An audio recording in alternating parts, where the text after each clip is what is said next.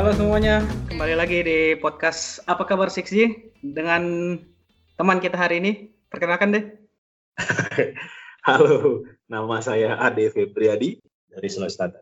Uh, apa kabar Ces? eh sorry sorry sorry, nggak boleh logat Makassar ya podcast kali ini. eh, eh kalau jujur ya, kalau gue ketemu sama orang Makassar gitu susah sih biasanya kayak eh, bukan orang Makassar ya orang Timur susah kalau nggak ngelogat gitu. Gimana? betul betul, apalagi lama nggak ketemu kan. Yo yo i.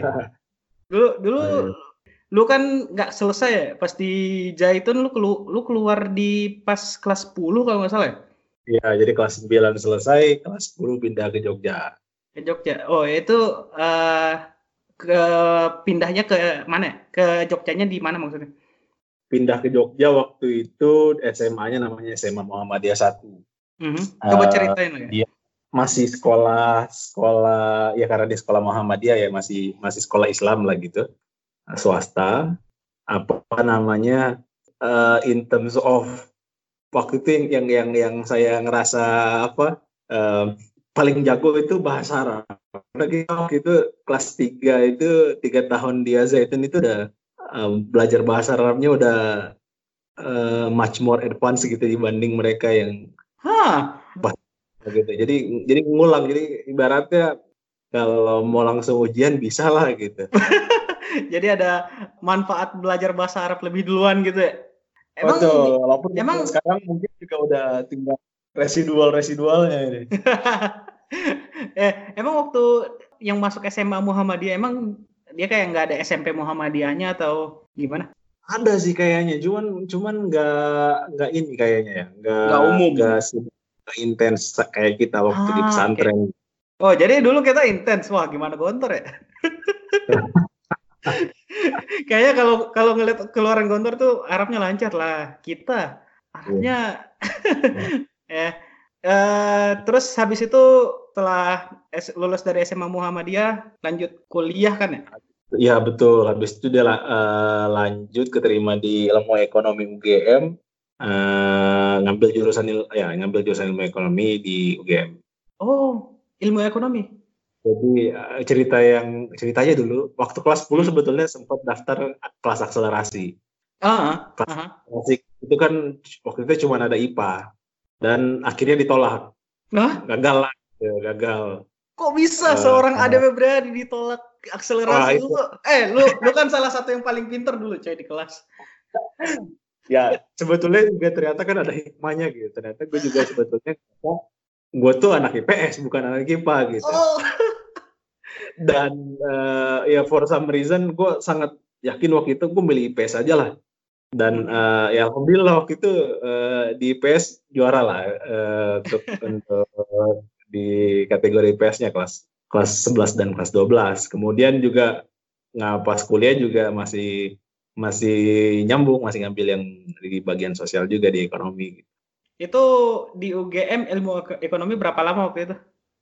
Selesai. Uh, eh, selesainya agak eh, agak lama dikit, kayaknya empat setengah tahun. Tapi waktu itu sempat ambil exchange program satu semester di NUS Singapura. Hmm, oke. Kemudian habis itu kan lu ngambil S2 di Nottingham ya? Iya, itu gue penasaran. Gimana gimana gimana ceritanya? Jadi ceritanya setelah lulus eh, empat setengah tahun itu kurang lebihnya kerja dulu sempat kerja hampir setahun di Jakarta di kantor Dewan Pertimbangan Presiden waktu itu Wow, cool.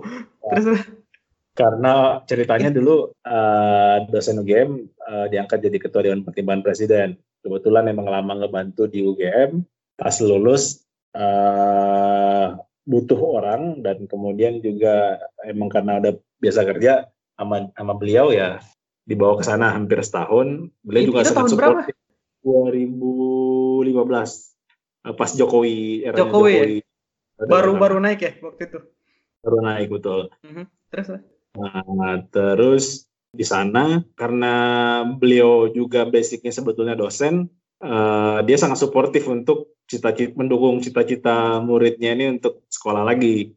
Jadi Hmm. waktu itu untuk rekomendasi sekolah, eh, fleksibilitas kalau misalkan ada peluang-peluang untuk uh, ngejar scholarship atau apa namanya untuk sekolah lagi pokoknya sangat disupport kita. Nah habis itu uh, hampir selama hampir setahun itu kemudian udah ngeplan uh, ngambil master, daftar beasiswa LPDP. Uh, LPDP itu beasiswa dari pemerintah. Pemerintah. Saya ya. kira sangat sangat ya. makin populer lah kalau sekarang di Indonesia itu.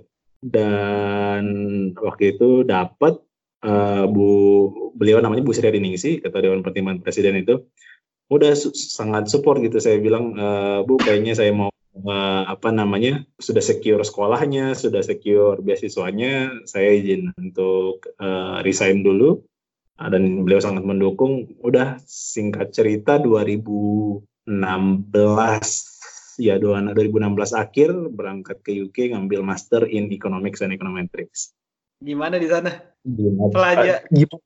Pelajarannya gimana? gimana? Gimana apa kayak kuliah uh, dibandingkan kuliah di Indonesia waktu itu? Wah, sangat apa ya?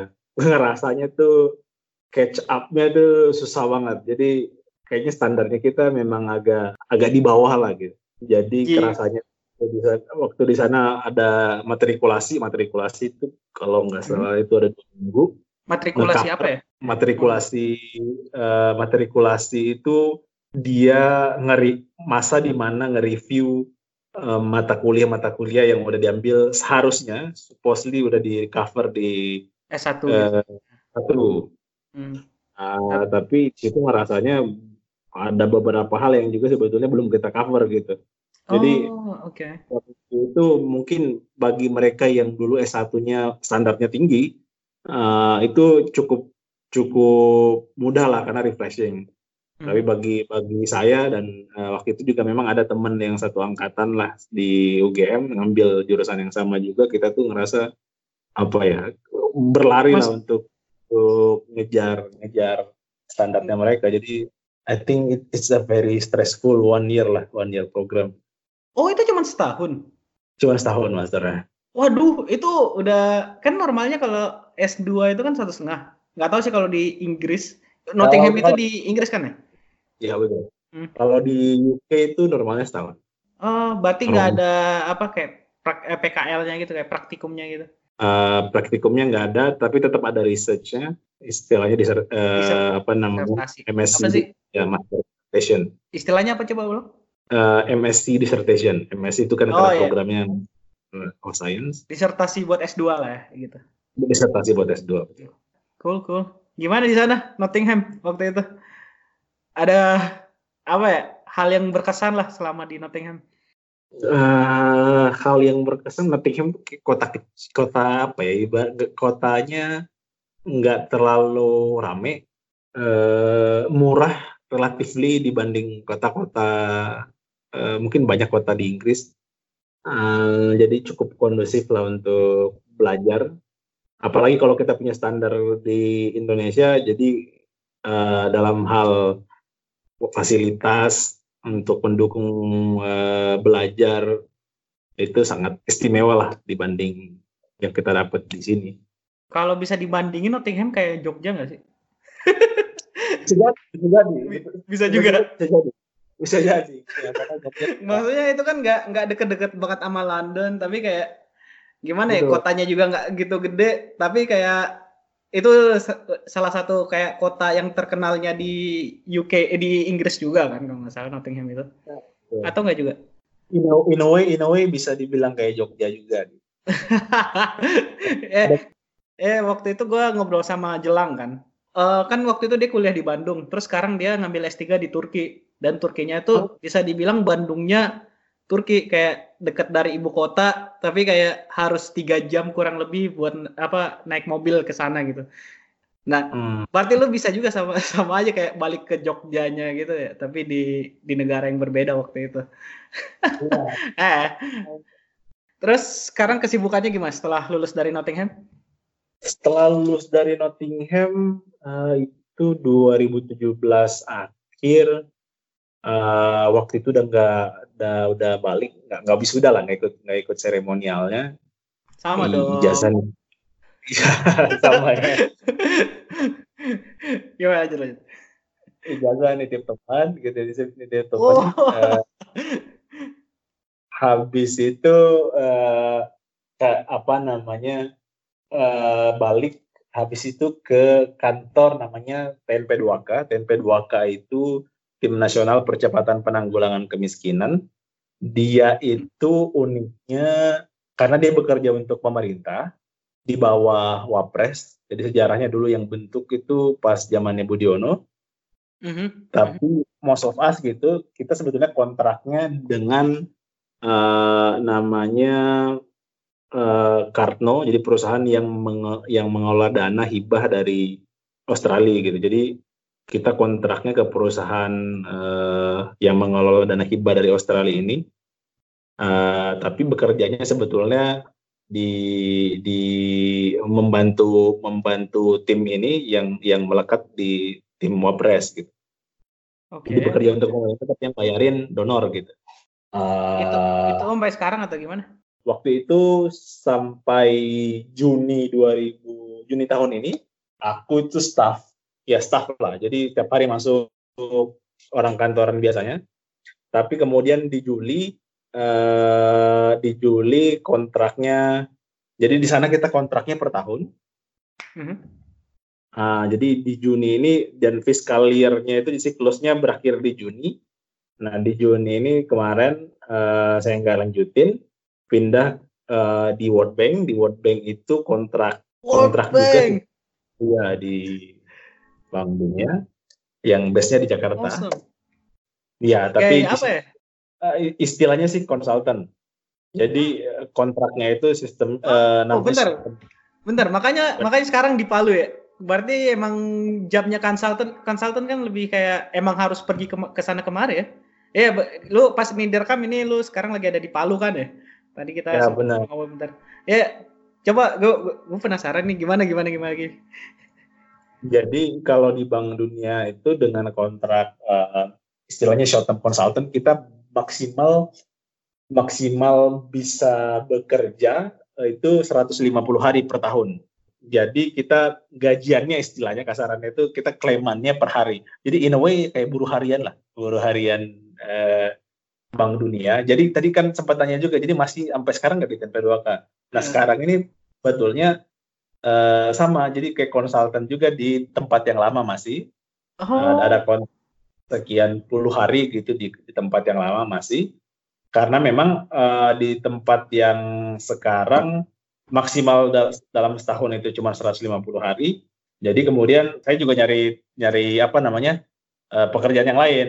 Ya bu jadi buat di setengahnya gitu. Uh, masih ada 40 hari. Kemudian juga pas mulai yang uh, sistem kerja dengan gaya konsultan ini uh, mulai ngajar juga jadi ngajar juga di uh, eh, MM UGM Jakarta sama Prasetya Mulia, cuman Prasetya Mulianya baru November ini mau mau mulai gitu.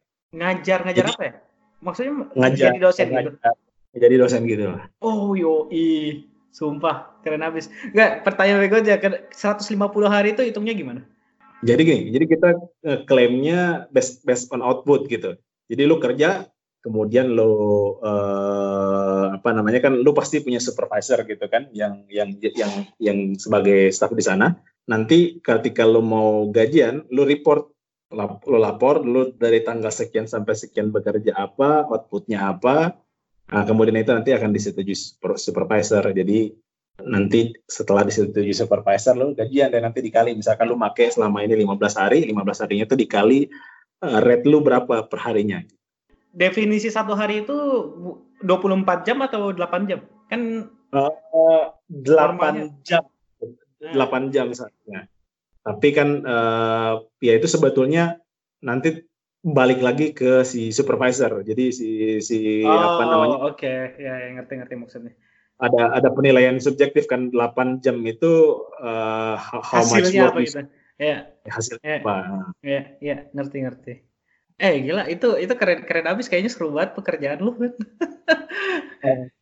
agak agak juggling juga sih tapi sekarang karena macam-macam kan. Jadi di World Bank ini ada project, kemudian di kantor lama TP2K ada project, kemudian baru mulai ngajar juga kan. Jadi uh, switch switchnya itu masih agak juggling sih tapi hopefully ke depan udah makin makin apa ya makin smooth lah gitu.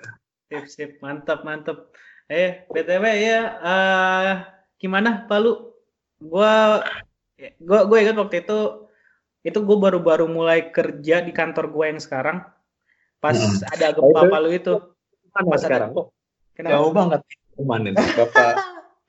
Karena kan gue gue ingat banget gue apa namanya uh, kayak kayak one of the apa ya first impression uh, lu itu adalah kan lu dari Makassar pinter matematik itu penerus Habibi nih. Lu sekolah abis itu sekolah di Jerman.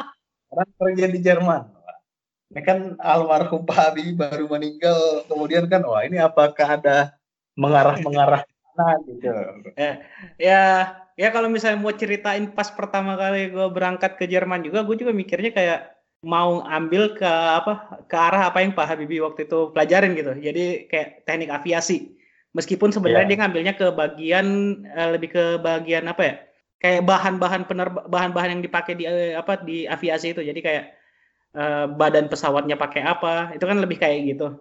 Cuman waktu itu emang pertama niatnya kayak ya udah ambil teknik aviasi. Cuman kayak sebenarnya uh, masih belum yakin pokoknya pas pas mau daftar kuliah itu mau ngambil apa jadi waktu itu gue hmm. ada waktu satu tahun buat ikut sekolah ke-13 gitu maksudnya tahun ke-13 di Jerman jadi kayak pelajaran-pelajaran uh, SMA gitu tapi dalam bahasa Jerman Nah, hmm. itu harus diikutin buat uh, semua apa ya?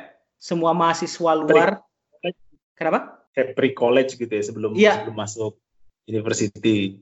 Iya, kayak pre-college gitu. Itu namanya student college. Ya, ya itu kayak hmm. satu tahun sambil mikir mau ngambil apa. Nah, terus habis itu pas pas lulus itu juga masih nggak tahu sebenarnya kayak mau ngambil apa. Tapi dengar-dengar waktu itu kayak yang paling menarik itu ada yang mekatronik jadi mekatronik tuh tahu kan ya kayak mekanik, eh, mekanik, elektro, elektroteknik sama informatik digabung. Gak tahu. oh, keren tahu. Ya itu kayak itu itu semua tiga jenis itu digabung nah, bisa diambil kayak apa ya? Ya sebenarnya kayak kontrol mesin sih. Lebih kayak hmm. otoma otomatisasi suatu mesin. Hmm. Itu lebih lebih ke arah situ. Nah, ternyata pas selama kuliah itu ini uh, menarik juga dan akhirnya tetap stay di apa di arah situ sampai sekarang juga kerjanya uh, sebagai apa ya uh, software nggak software developer juga sih sebagai programmer buat mesin itu mesin kedokteran di oh. satu perusahaan di sini ya yeah. nice ya sebenarnya gue sekarang ngumpulin pengalaman soalnya di sini tapi tenaga hmm? tenaga kerja orang Indonesia di sana banyak ya sih di tempat eh, di apa di perusahaan yang gua apa tempat gua kerja sekarang atau gimana? Kalau Jerman secara umum banyak ya?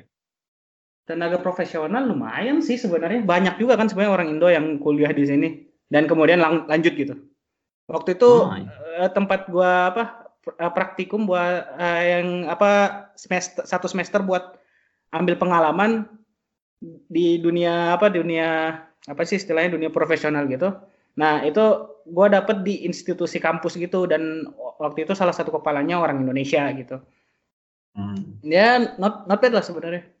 Ya ya sebenarnya kayak masalah orang Indonesia di sini tuh apa ya nggak ada pengalaman kerja itu aja. Jadi kayak misalnya hmm. lulus kita daftar kayak gimana ya kita uh, orang-orang di sini tuh sel- udah udah punya pengalaman kerja gitu. Meskipun hmm. belum lulus belum lulus S1 juga mereka udah pengalaman kerja karena emang budaya Aku. budaya budaya apa belajarnya beda. Jadi kayak mereka belajar ada juga dia harus berapa lama kerja di suatu perusahaan atau di mana gitu. Jadi hmm. pas uh, selama ini gue gue tadinya emang mau lanjut S2 cuman kayak eh kalau misalnya mau bertahan di sini sebenarnya harus lebih apa ya cari pengalaman kerja juga. Dan hmm. ya alhamdulillah sih tempat kerjanya juga bagus kayak orang-orangnya semua kayak enak lah diajak diajak apa diajak kerja sama gitu gue gue dulu waktu itu sempat kerja di satu tempat yang satu kantor isinya orang India satu oh. ruangan gue terus pas gue pindah itu suasananya beda kayak orang Jerman tuh kalau pas di saat kerja mereka kerja gitu kayak bener-bener fokus oh. kayak 8 jam kerja doang isinya Itu yang gue Hmm. kagum orang-orang Jerman sini dan gue kayak eh, berusaha apa ya? Yang kayak lu tadi keep up dengan gaya mereka. Iya. Kena- Kenapa jadi cerita tentang gue ya? Oh, apa? itu, itu, itu menarik. Gue pernah denger begitu, maksudnya. Tapi kan eh, lu ngerasain, jadi well it- it's confirm gitu cerita cerita yang gue dengar gitu. Kalau mereka benar-benar 8 jam, ya 8 jam gitu. Siapa yang cerita kayak gitu, coy? Ah, siapa ya? Pernah pernah pernah pernah dengar mungkin orang-orang Jerman yang cerita atau Eh. siapa Eh. lah. Tapi Eh, waktu, waktu itu ingat waktu pertama masih bulan November kan waktu gempa itu kalau nggak salah. Enggak, bulan Oktober. Sorry. di sini enggak 28 September. September malah. Iya, iya, iya. Tahun lalu ya. Iya, waktu itu gue gue baru masuk di kantor sekarang tuh 1 September. Jadi pas Hmm. eh, pas eh, gua dengar itu ya udah gue kayak di kantor cuman ngeliatin update gempa gitu dan eh, kayaknya bos gua kayak maklumin gitu kali gua up- apa refresh refresh terus tuh B- bmkg.id terus Hmm. dua tiga hari kemudian gue minta izin buat ke Indo sebenarnya kayak gue pengen datengin nikahannya adik gua lu kalau nggak salah waktu Ya. itu nikahnya sekitar November awal gitu kan tahun lalu Iya, benar. Nah. benar. Iya, ya gue inget tuh. Iya, gue gue minta izin kayak pulang, terus mereka tuh kayak nanya, keluarga lu nggak apa-apa gitu. Gue sih sebenarnya kayak, eh gue planning ke Indonesia sebenarnya buat emang datengin nikahannya adik gue, apa adiknya istri gue. Nah, cuman karena ada itu, entah kenapa kayaknya dia ngizinin kayak ini orang baru kerja satu bulan udah minta cuti satu minggu gitu. ya, tapi eh, gue gue diizinin dan waktu itu pas gempa ada- bokap gue lagi ada di situ. Hmm. Wah, alhamdulillah ya keluarga gua kan juga eh, gua kan lahir di Palu. Keluarga gua juga alhamdulillah nggak apa-apa ya. Ya gitulah. Gimana keadaan di sana sekarang? Iya, jadi eh gue lagi di Bank Dunia ada project untuk eh, kita survei rumah tangga-rumah tangga yang kena dampak bencana di tiga kota, Palu, Donggala, Sigi. Mhm. Eh, sebetulnya yang terdampak kan ada Parigi juga, tapi Parigi ini memang agak relatif tidak separah ketiga kota yang lain. Eh, kita rencan renca eh, desain surveinya itu kita mau mengikuti rumah tangga ini selama setahun untuk mempelajari dinamikanya, bagaimana mereka recovery, Eh, mungkin juga harapannya bisa eh, mengidentifikasi kebutuhan-kebutuhannya di sel- selama mereka recovery untuk ya kalau bisa jadi input pemerintah kan untuk eh, apa namanya apa yang mereka butuhkan. Eh, kayak kayak gitulah bro. Jadi sekarang kan sebetulnya 28 September itu di baru-baru ini kan Baru-baru ini ya. Baru-baru Ah, setahun. 28 setahun. September 28 September itu juga kalau saya nggak salah itu hari ulang tahunnya Kota, Palu. Iya. Eh, jadi udah setahun proses recovery itu masih terus apa ya berlanjut lah. Masih ada juga mereka yang masih tinggal di apa namanya di tenda setelah setahun ini. Wah. Tapi macam-macam alasannya. Seba- ada yang memang sebetulnya voluntarily sengaja memilih di tenda dibandingkan hunian sementara yang disediakan. Oh, Kemudian ada juga ya? Iya, jadi eh, sebetulnya kan mereka itu awalnya mungkin semuanya di tenda, kemudian eh, dibangun hunian sementara, eh, kemudian ada hunian tetap. Setelah setelah bencana itu dia eh, nanti pindah ke hunian tetap itulah gitu kan, karena di, terutama kayak di Palu kan ada likuifaksi tuh. Jadi Ya. daerah-daerah yang memang dulunya mereka tinggal di situ nggak bisa ditempatin lagi gitu karena nggak nggak dibolehkan. Iya, iya. Nah, mereka berarti kan harus relokasi lah gitu ya. Nah, eh, sem- tapi sementara ini kan mereka kebanyakan eh, udah pada mungkin ya mungkin eh, belum belum lihat datanya tapi kebanyakan mungkin di hunian ya hunian-hunian sementara itu.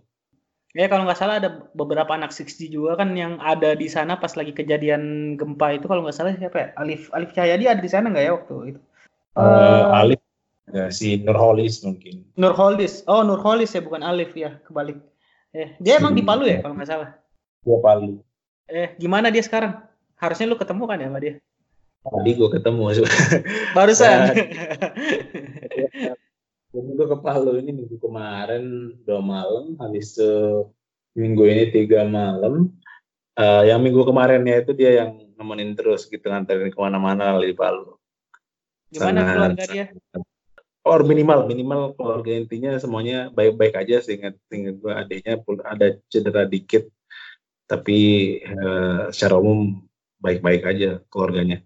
Alhamdulillah. Berarti uh, daerahnya nggak kena likuidifikasi itu ya? Kalau nggak salah sepupu gua ada satu yang uh, kena daerah itu likuidifikasi itu. Dan waktu itu emang kayak uh, gimana ya? Palu tuh kan kayak pantai habis itu ada gunung gitu ya. Jadi kayak yang paling parah kan seharusnya di daerah pantai. Terus ada juga di daerah likuidifikasi itu yang meskipun sebenarnya agak tinggi gitu kan daerahnya. Iya, jadi ya. yang uh, likuifaksi itu kan yang banyak katanya banyak yang nggak ditemukan itu kan Oh, di situ. Ah, ya. Dan waktu hmm. itu setahu gue pas lagi ada, iya karena pas lagi mau ulang tahun Palu itu, jadi banyak hmm. lagi ada mau parade kalau nggak salah. Makanya banyak korban apa kumpulnya tuh kan ya pusat kota Palu tuh lebih kayak bukan pusat kota sih, tapi kayak acaranya itu di pantai gitu. Ya. Dan makanya banyak korban waktu itu tidak ya karena banyak yang ngumpul di sana gitu. Eh, iya, ya. jadi termasuk si si Lam ini si Nulis dia kan cerita dia tahunya ada tsunami itu ya setelah besoknya atau lama lah dia tahunya ada gempa aja di daerahnya dia gitu.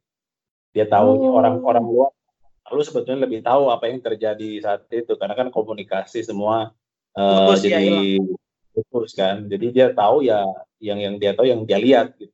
Oh. Uh, dia tahunya baru besok pagi, oh ada tsunami ternyata di di sana. Iya kadang-kadang kalau melihat apa namanya kemarin itu wawancara ngelihat korban itu emang sedih sih. Ya, ya. Itu uh, lu yang wawancara wawancara itu sendirian atau ada beberapa konsult konsultan dari World Bank gitu? Jadi kalau kita sewa uh, survey firm. Jadi ada perusahaan oh. yang biasa untuk melakukan ini dan kebetulan perusahaan ini juga pernah melakukan hal yang sama saat tsunami di Aceh Eh, kita sebetulnya lebih ke yang sekarang ini dalam rangka supervisi kegiatan lapangan sih. Itu tempat kelahiran gue gitu dan gue lumayan sering juga di Palu. Eh, cuman uh, ya move on ke topik berikutnya kali tentang 6G. Lu kan gue ingat dulu nih waktu akhir-akhir sebelum apa uh, sebelum ujian nasional uh, pas kelas 9 gua sama lu hmm. sama Fuad kalau nggak salah sering kita sering belajar bareng tuh Ingat nggak lu waktu itu? Oh iya, buat pre iya. preparation apa exam. iya, iya, gue gue inget tuh di gedung Ali gue nggak tahu waktu itu kenapa bisa apa bisa ikutan ya. ya. Gedung Ali Umar, eh. Umar kali. Ya. Oh Ali. benar Umar, sorry sorry salah gue, sorry, salah gue bener loh, bener Umar Umar Alima yang itu yang di samping eh yang di, yang di apa Ya, yang di sana lah yang yang dekat dekat apa sih tempat main bola gue lupa namanya. Ah, lupa juga. Aduh, ya lu ya lu wajar lebih duluan keluarnya lah gue. Gimana selama di apa di luar Zaitun pernah ketemu, pernah kumpul-kumpul sama anak 6G nggak di Jogja waktu itu? Pernah di Fuad juga kan sebetulnya dia pindah ke pesantren di Jogja mau di mana ya? Fuad ketemu sempat deh, aku lupa pernah ketemu di Jogja apa enggak. Tapi waktu aku di One Team Press sempat ada dinas ke Surabaya, ah, itu sempat uh, apa namanya uh, nginep bareng dia juga yang nganterin di Fuad. Dia Enak. jadi apa aktivis pemuda dia sekarang. Uh, oh, iya, iya. Dapat penghargaan kemarin dari uh, pernah dapat penghargaan dari Ibu Risma wali kota Surabaya. Keren ya. Si Fuad, wah bisa tuh kayak diajak ngobrol juga nih. Di bisa, bisa. nih. Ya. Berarti banyak juga ya untungnya lu masuk Zaitun ya, kayak banyak koneksi gitu. Kalau misalnya, ya apalagi dengan keadaan lu sekarang yang sebagai konsultan yang harus, ya kurang lebih harus ke mana-mana gitu. Iya, aja. At least ada ada yang dikenal lah gitu di di mana-mana. Iya, jadi itu juga sih kemarin kan uh, ingatnya juga dia di Palu nggak ya? Itu pas sudah landing gitu karena mikirnya dia di Makassar kan. Nah, ternyata di polisi. Uh, uh. Ternyata ini. Iya, pernah juga ini waktu ngurus visa UK waktu mau berangkat sekolah. Eh, berangkat sekolah atau berangkat apa? Ya, waktu itu. Kayaknya visa uh, lupa lah waktu itu visa yang kunjungan pertama atau yang yang sekolah itu ketemu sama si aduh Umay. Umay? Oh Umay. iya dia dia dia kalau nggak salah kerja di, di bagian di bidang Iya. di bidangnya itu deh kalau nggak salah. Ya di kayaknya udah enggak itu di Iya, iya, eh, kantor yang mengurus eh, masalah visa itu. Iya. Lucu Ah. Gua tahu. dia ngeliat dia, dia ngeliat paspor gue dia kayak rasa kayak kena familiar nih nama nih. Terus kan gue, juga nggak gue aneh kan dia ngeliatin gue agak aneh gitu gue tanya kenapa mbak dia bilang kayaknya mirip apa nam- namanya teman saya gitu. Tapi tapi dia bilang terus dia bantah lagi. Tapi nggak mungkin deh gitu. Gue lihat oh Uma ya? Gitu. Lah iya oh ada beneran ini kata dia. Iya, habis itu ini ya, habis itu sempat apa namanya eh, kontak-kontakan lah waktu itu. Jadi itu benar-benar apa eh, koinsiden lah. Kan karena kan banyak banyak orang yang lain di sana kan petugasnya juga kan. ketemunya langsung pas Umay gitu Pas gua yang ini yang yang apa namanya yang ngurus dia gitu. eh ya kalau nggak salah waktu itu Uma yang sering nawarin buat bantuin ngurusin visa istri gua mau ke sini cuman akhirnya istri gua akhirnya ngurus sendiri sih visanya jadi kayak nggak nggak pakai jasa dari bantuan dari Uma gitu ya Iya. Eh. Jogja juga sempat ketemu lah beberapa kali dengan eh, yang yang pada kuliah di sana gitu. eh btw gimana gimana? Selama di Zaitun waktu itu lu yang saya ingat lu kesibukan lu gimana? Dulu dulu tuh kan ceritanya waktu itu koordinator datang ke rumah gitu kan. eh Eh, kalau gue di sekolah? Di sekolah ya. Waktu itu dapat datang ke sekolah juga tapi waktu yang ke apa namanya yang benar-benar akhirnya oh disuruh masuk ke situ tuh pas dia datang ke rumah gitu dikasih CD lah apalah gitu kan.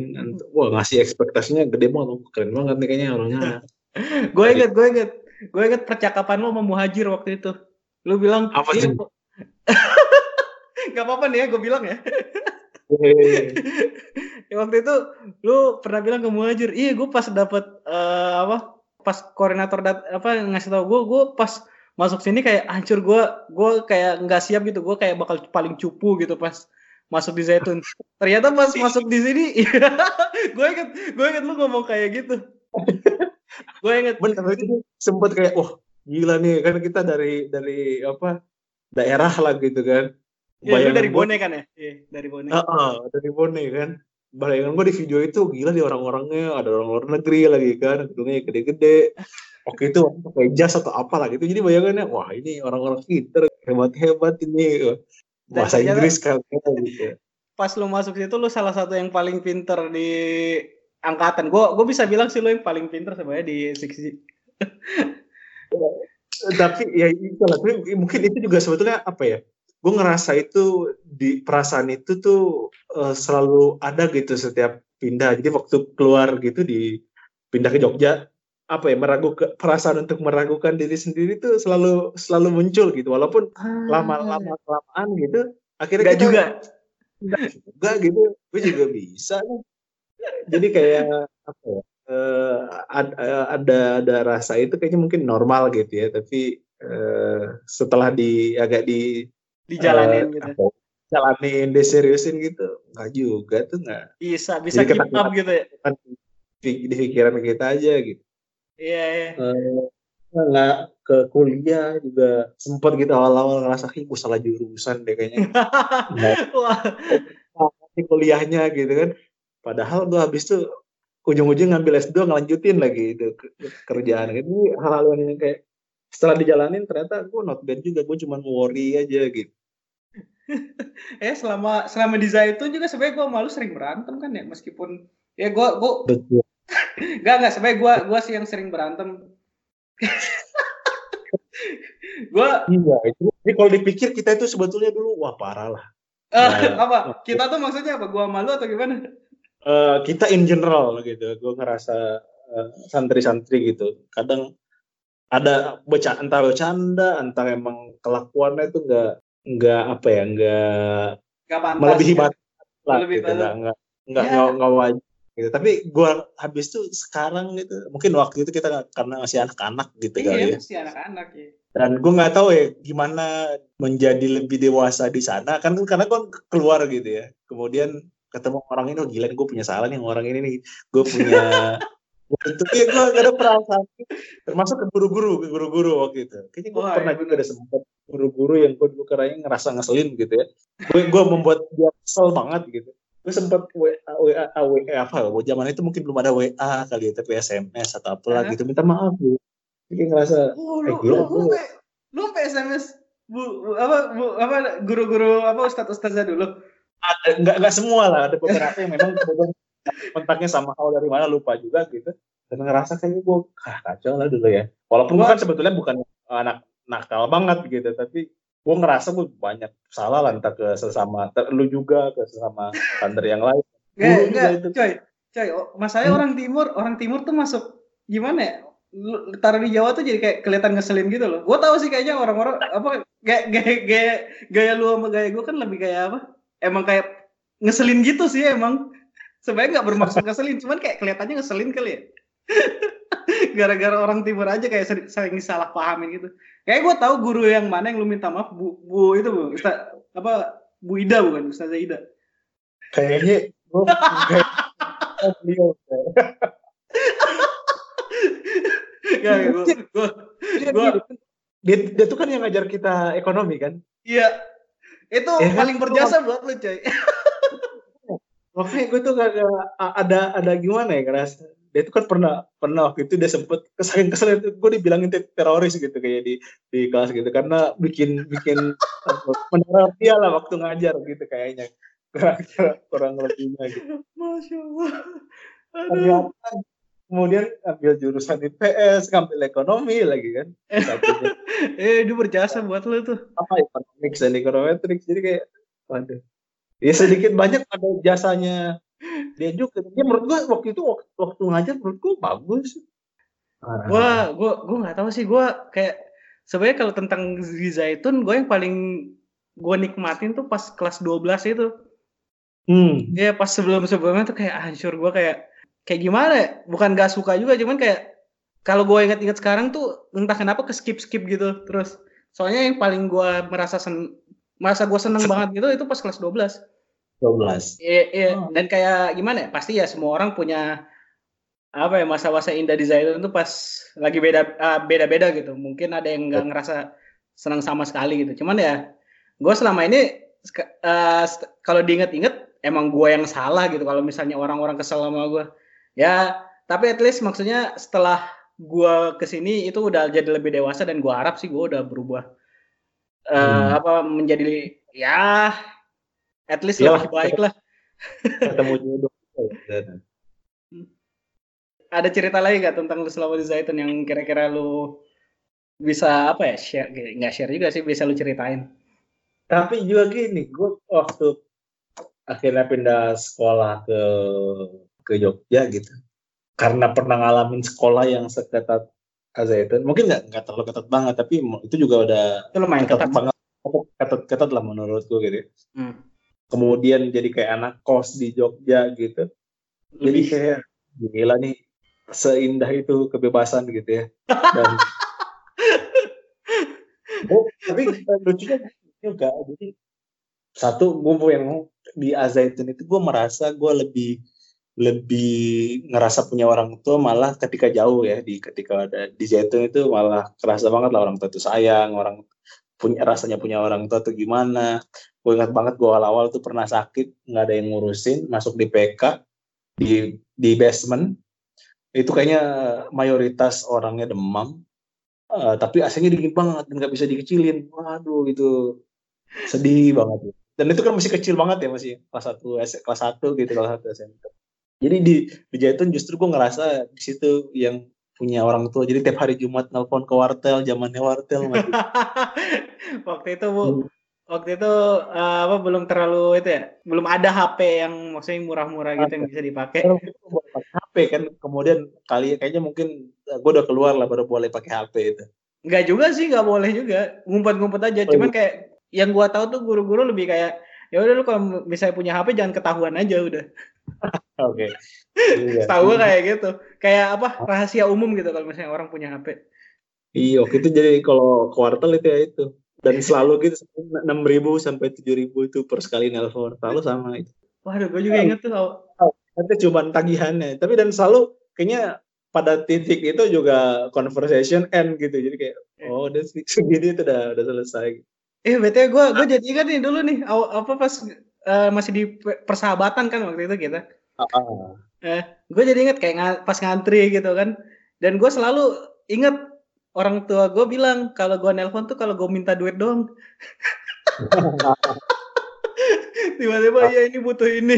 Pak baru gue nelpon aduh parah banget gue beda banget gue kayak lu lu lu malah ngerasa apa ya kayak kangen sama orang tua ya pas di Zaitun awal-awal gitu. Gue malah biasa aja parah juga gue sebenarnya Iya, jadi gue ngerasa, jadi salah satu sebetulnya salah satu salah satunya ya faktor uh, pendorong ya udahlah nggak apa-apa masuk pesantren adalah gue pengen ya udahlah di sana kan nggak ada orang tua jadi lebih bebas gitu kan.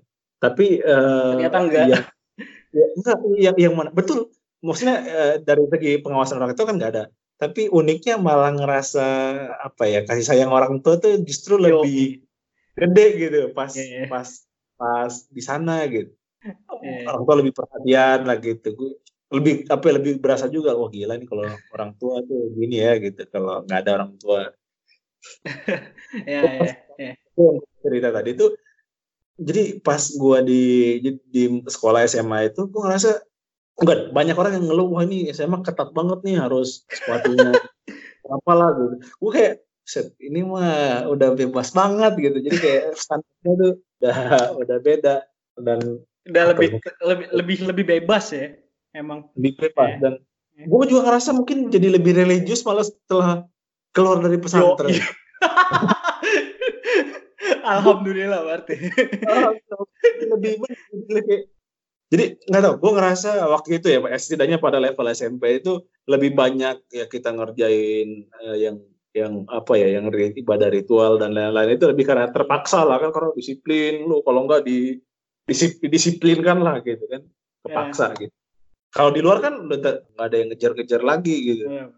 dan gue awal-awal SMA tuh malah nggak gue lupa persisnya gimana gitu. Gue jadi lebih pengen belajar agama gitu gitulah iya yeah, betul bahasa bahasa Arab bahasa Arab itu gue juga lumayan kepake sih di sini. Nggak nggak kepake juga sih. Jadi kan kalau gue jumatan gitu uh, mereka kalau khutbahnya kalau di masjid Arab mereka uh, itu kadang-kadang pakai kalau ngumumin apa-apa pakai bahasa Arab gitu. At least gue ngerti dikit, at least gue ngerti dikit.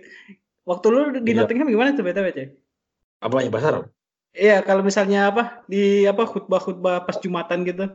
Khutbah pas Jumatan bahasa Inggris. Bahasa Inggris. Oh, gitu. Iya. iya. Kalau kalau gue di sini gimana ya? Kalau di masjid ada yang masjid Turki gitu dia pakai bahasa Turki semua full. Kalau di oh. masjid Arab gitu dia pakai bahasa Arab, habis itu setelahnya baru dipakai pakai bahasa Jerman. Hmm. Meskipun gue sebenarnya lebih kayak enak dengerinnya pas bahasa Arab, pas bahasa Jerman gue masih ya, hmm. cuman 10 tahun hampir 10 tahun di sini gue kayak gimana ya? Gue masih ngobrol sama sama teman kerjanya masih kayak gagap-gagap gitu.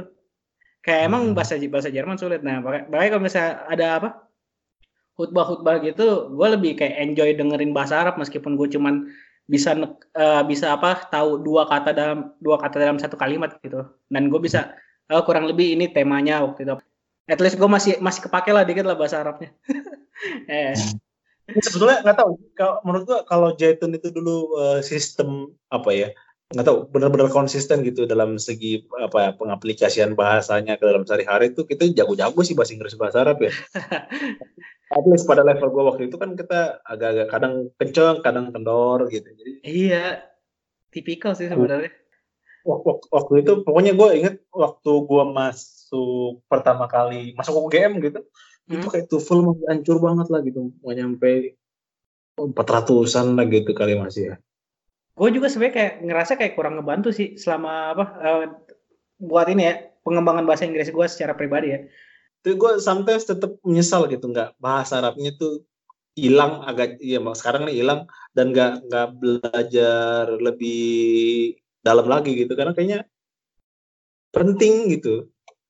Kalau gue yang gue sayangin sebenarnya itu sih uh, eh, gue kenapa waktu itu nggak bener-bener serius buat ngapalin Quran itu yang gue sayangin itu juga sih iya itu kayak gila itu enam tahun kalau bener-bener ngapalin Quran gitu kayak buset udah berapa juz gitu Hmm. itu sih yang gue sayangin. apa ya, agak-agak ini gak sih se, se bukan sepaket ya, tapi ya kalau belajar bahasa Arab kan jadi waktu itu gue ngerasanya ya lebih lebih gampang ngapalin. Iya sebenarnya. Yeah. Uh, kan karena apalagi kalau misalkan ngapalin sambil ada yang lihat terjemah gitu. Oh ini ceritanya begini nih. Iya. Uh, sedikit sedikit kan tahu gitu kan kosakatanya gitu. Benar benar benar benar benar. Ya. Ya kayak sayang juga sih harusnya gue bisa lebih serius gitu waktu kayak ya tapi setelah dipikir-pikir ya gua, itu pas kita masih bocah semua gitu ya kali kita serius gitu kan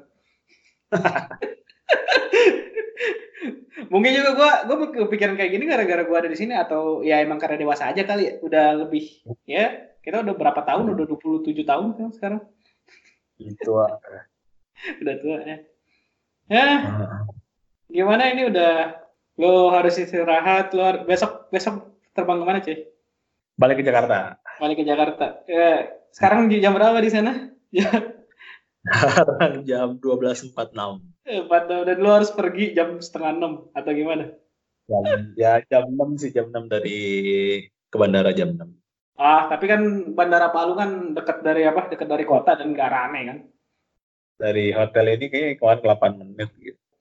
Oke, makasih ya Ade udah ngeluangin waktunya gila lu. Gue makasih banget sih lu lu beneran serius buat ikut apa buat apa buat nongol di podcast ini. Semoga ah, nanti banyak yang denger juga.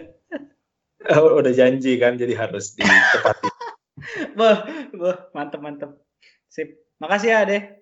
Uh, ya. Dadah. Yo, assalamualaikum.